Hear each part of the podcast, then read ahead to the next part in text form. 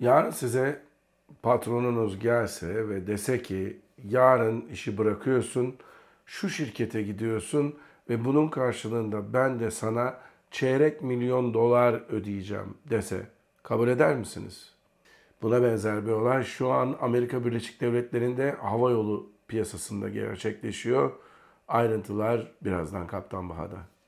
Ladies and gentlemen, welcome aboard. This is your Kaptan Baha.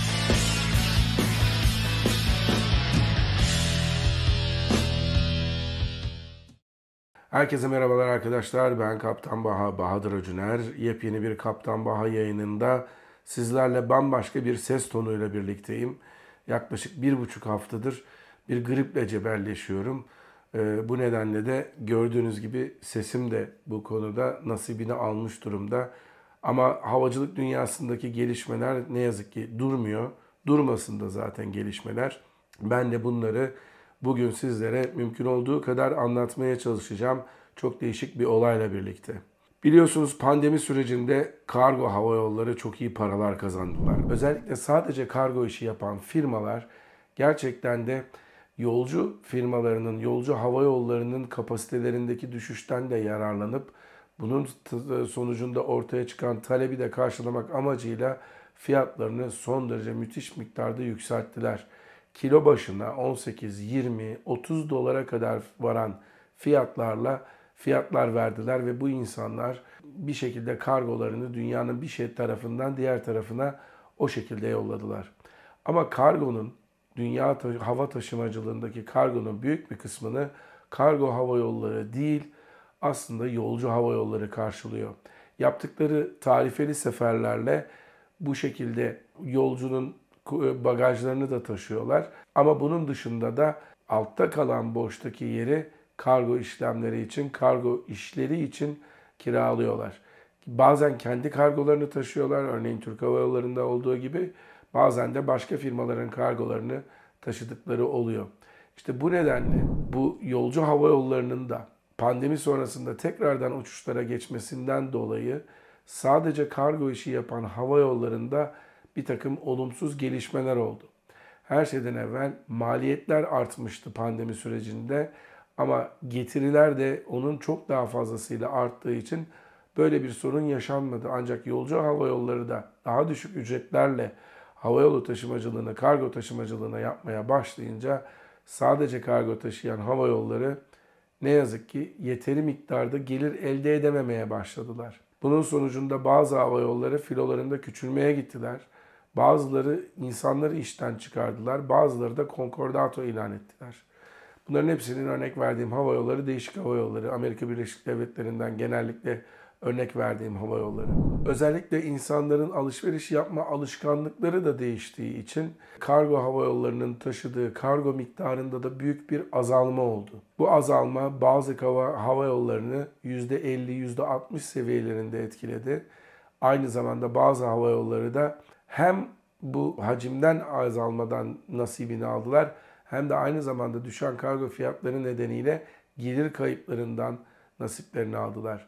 Bazıları %50'ye kadar volüm düşmesine, yol açmasına rağmen gelirlerini bir şekilde sabit tutabildiler ama bunlar ender hava yolları. Şimdi gelelim bu 250 bin dolar olayına. Bu sözünü ettiğim olaydan nasiplenen hava yollarından bir tanesi de UPS hava yolları ve FedEx hava yolları. Bunlar dünyanın en büyük kargo firmaları.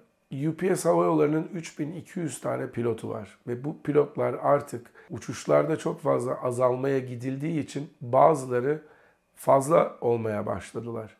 Gerçekten de o insanların uçmamasına rağmen aylık aldıkları garanti paralarıyla aldıkları maaşlar hava yolunun biraz da bunda kısıntıya gitmesine yol açmasına neden oldu. Bu durumlarda işten çıkarmak yerine önce hava yolları bir inisiyatif verirler pilotlara. Ya işte derler ki eğer emekliliğine 10 yıl kaldıysa ben senin önümüzdeki 20 yıl boyunca bütün sigorta paralarını ödeyeyim önümüzdeki 10 yıldaki maaşlarının da yarısını ben sana defaten şak diye bir seferde ödeyeyim türünden e, bunlar geçmişte olan örnekler bir takım inisiyatif kullanmalarını ve bunun sayesinde de insanları teşvik etmeye yönlendirdiler. UPS'te de bunların arasında çok uzun senedir UPS'te çalışan ve yılda 250 bin dolardan fazla para kazanan da insanlar var. Ancak bunların bazıları early retirement denilen erken emekliliği seçtiler ve 200 tane pilot şu an UPS'ten bu şekilde ayrılmış durumda. Bunlara değişik paketler sunuluyor. Erken emeklilik paketleri olarak. Bunun ayrıntılarını UPS paylaşmıyor. Ancak genellikle bu bir e, yıllık maaşları türünden ödemelerde olabiliyor. Bu dediğim gibi işten çıkarma değil, insanları işten çıkarmak için ikna etme olayı. Şimdi diyeceksiniz ki UPS gibi büyük bir firmada çalışıyorsunuz, pilotsunuz. E o zaman niye ayrılasınız ki diyebilirsiniz. Ama özellikle UPS ve FedEx gibi firmaların tek bir özelliği var. Bunlar gece boyunca uçarlar ve gece boyunca yaptıkları topla ve dağıt uçuşlarıyla beraber bir gün akşamleyin başlarsınız. Bir veya iki bacaktan sonra dağıtım merkezine gelirsiniz. Ondan sonra dağıtım merkezinin de alabileceğiniz dinlenme, yapabileceğiniz uyuma çok da kısıtlı olur. Sizin dinlenmenizi çok iyi sağlamaz. Ve buna rağmen ondan sonra gidersiniz sabahın ilk ışıklarıyla beraber bir bacak veya iki bacak daha uçarsınız. Bazen gündüz uçuşları da olabiliyor ama bunlar genellikle çok kıdem sırasının üzerindeki kaymak tabakalara gidebiliyor. Şimdi böyle bir uçuş yaptığınız zaman sürekli geceliğin işte sürekli uyumanız gereken saatlerde e, ayakta kalmak türünden uçuşları yaptığınız zaman bünyeniz gerçekten çok büyük bir çöküşe uğruyor.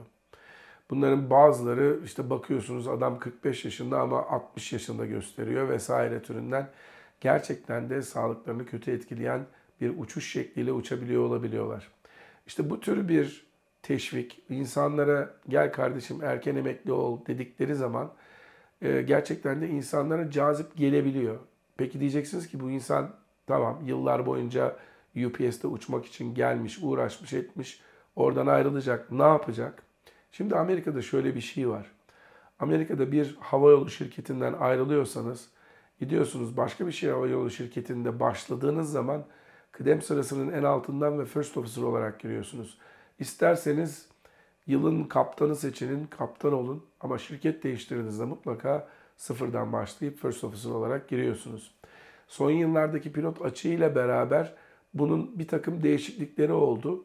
Bölgesel hava yollarında bazı insanlar direkt entry captain doğrudan kaptan koltuğuna yaşadıkları deneyim ve elde ettikleri uçuş saati sayesinde oturabilir hale geldiler. Ama bunun da bir takım handikapları var. Örneğin ömrünüz boyunca o hava yolunda iyi bir şekilde iyi bir program, uçuş programı elde edemeyeceksiniz. Bunun ayrıntılarına girmiyorum. Çünkü o zaman çıkamayız için içinden. Başka bir videoda sesim de daha iyi olduğu zaman yapabilirim. Belki bunu açıklayabilirim size. İşte peki bu insanlar nasıl para kazanacaklar diye düşündüğünüz zaman işte UPS ve FedEx American Airlines'ın altındaki bir bölgesel hava yoluyla gel kardeşim PSA'da uç bunların da pilota ihtiyacı var dediklerini biliyoruz. Böyle bir teklifle geldiklerini de biliyoruz. En azından size daha önceki bir videoda anlattığım Sun Express teklifi gibi hani gel kardeşim garsonluk yap türünden bir şey değil. Ama bu insanların çoğu yıllardır UPS'te uçup ve aynı zamanda elde ettikleri 14-15 günlük boşlar sayesinde ikinci bir iş yapan insanlar da var bunların arasında. Ben öyle pilotları çok iyi biliyorum. Kimisi emlakçılık yapıyor. Kimisi evinde torna tezgahı var bir takım ürünler üretiyor. Kimisi ne bileyim ben çiftçilik yapıyor. Evet gerçekten çiftçilik yapıyor. Bu tür işlerle de belki de hani yaş kemale erdi artık da daha genç değiliz. Böyle deli gibi uçmanın da anlamı yok deyip bu tür işlere yönelebilirler. Amerika Birleşik Devletleri'nde hala hava taksi şirketlerinde büyük bir pilot açığı var. Böyle bir yerel bir firmada çalışıp çok fazla geceleri uçmak, çok fazla miktarda deli gibi işte e, dünyanın bir tarafından diğer tarafına iki günde, üç günde uçmak türünden ağır programlar yerine sadece patronu uçurduğunuz işte en fazla uçuşunuzun iki saat olduğu bir hava taksi işi de yapmanız mümkün. Bazılarının hatta kendi hava taksi firmaları da var bu insanların. Dolayısıyla uçmak eğer amaçsa bu tür işleri hala devam ettirebilmeniz mümkün. Ama bir anlamda da hayat kalitesi özellikle yaş bir yere geldikten sonra sizler için çok çok daha fazla önemli hale gelebiliyor. Dolayısıyla bu insanlar da bu teşvikleri alıp UPS'ten emekli olup aynı zamanda kendi emekli sandıklarından da parayı alıp ve daha sonradan şirketten ayrılarak başka bir yol çizmeyi kendilerine tercih edebilirler. Peki UPS veya FedEx burada kalacak mı? Burada duracaklar mı? Bence durmayacaklar. Çünkü bu firmaların gerçek anlamda taşıdıkları kargo hacimlerinde büyük bir azalma var. Bu bütün dünyada böyle. DHL de bundan müzdarip. Dolayısıyla önümüzdeki yıllarda çok büyük bir değişiklik olmadığı takdirde kargo hava yolları tekrardan belki de alımları durduracaklar. Belki de kargo hava yolları o kadar da çok da kariyer açısından cazip olmayacaklar diye düşünebiliriz. Umarım bu sesimden dolayı rahatsız olmamışsınızdır. Güzel bilgiler verdiğimi düşünüyorum. Bu videoyu beğendiyseniz bir tane like'ınızı alırım. Aynı zamanda bu videoyu bir podcast olarak da gerek Apple gerek Google değer bütün podcastlerde dinlemeniz mümkün. Kanala abone değilseniz abone olun ve aşağıya da bu konudaki yorumlarınızı bekliyorum. Bambaşka bir Kaptan Bağ videosunda sağlıklı bir sesle görüşene kadar hoşça kalın ama ne olur sağlıklı kalın. Görüşmek üzere.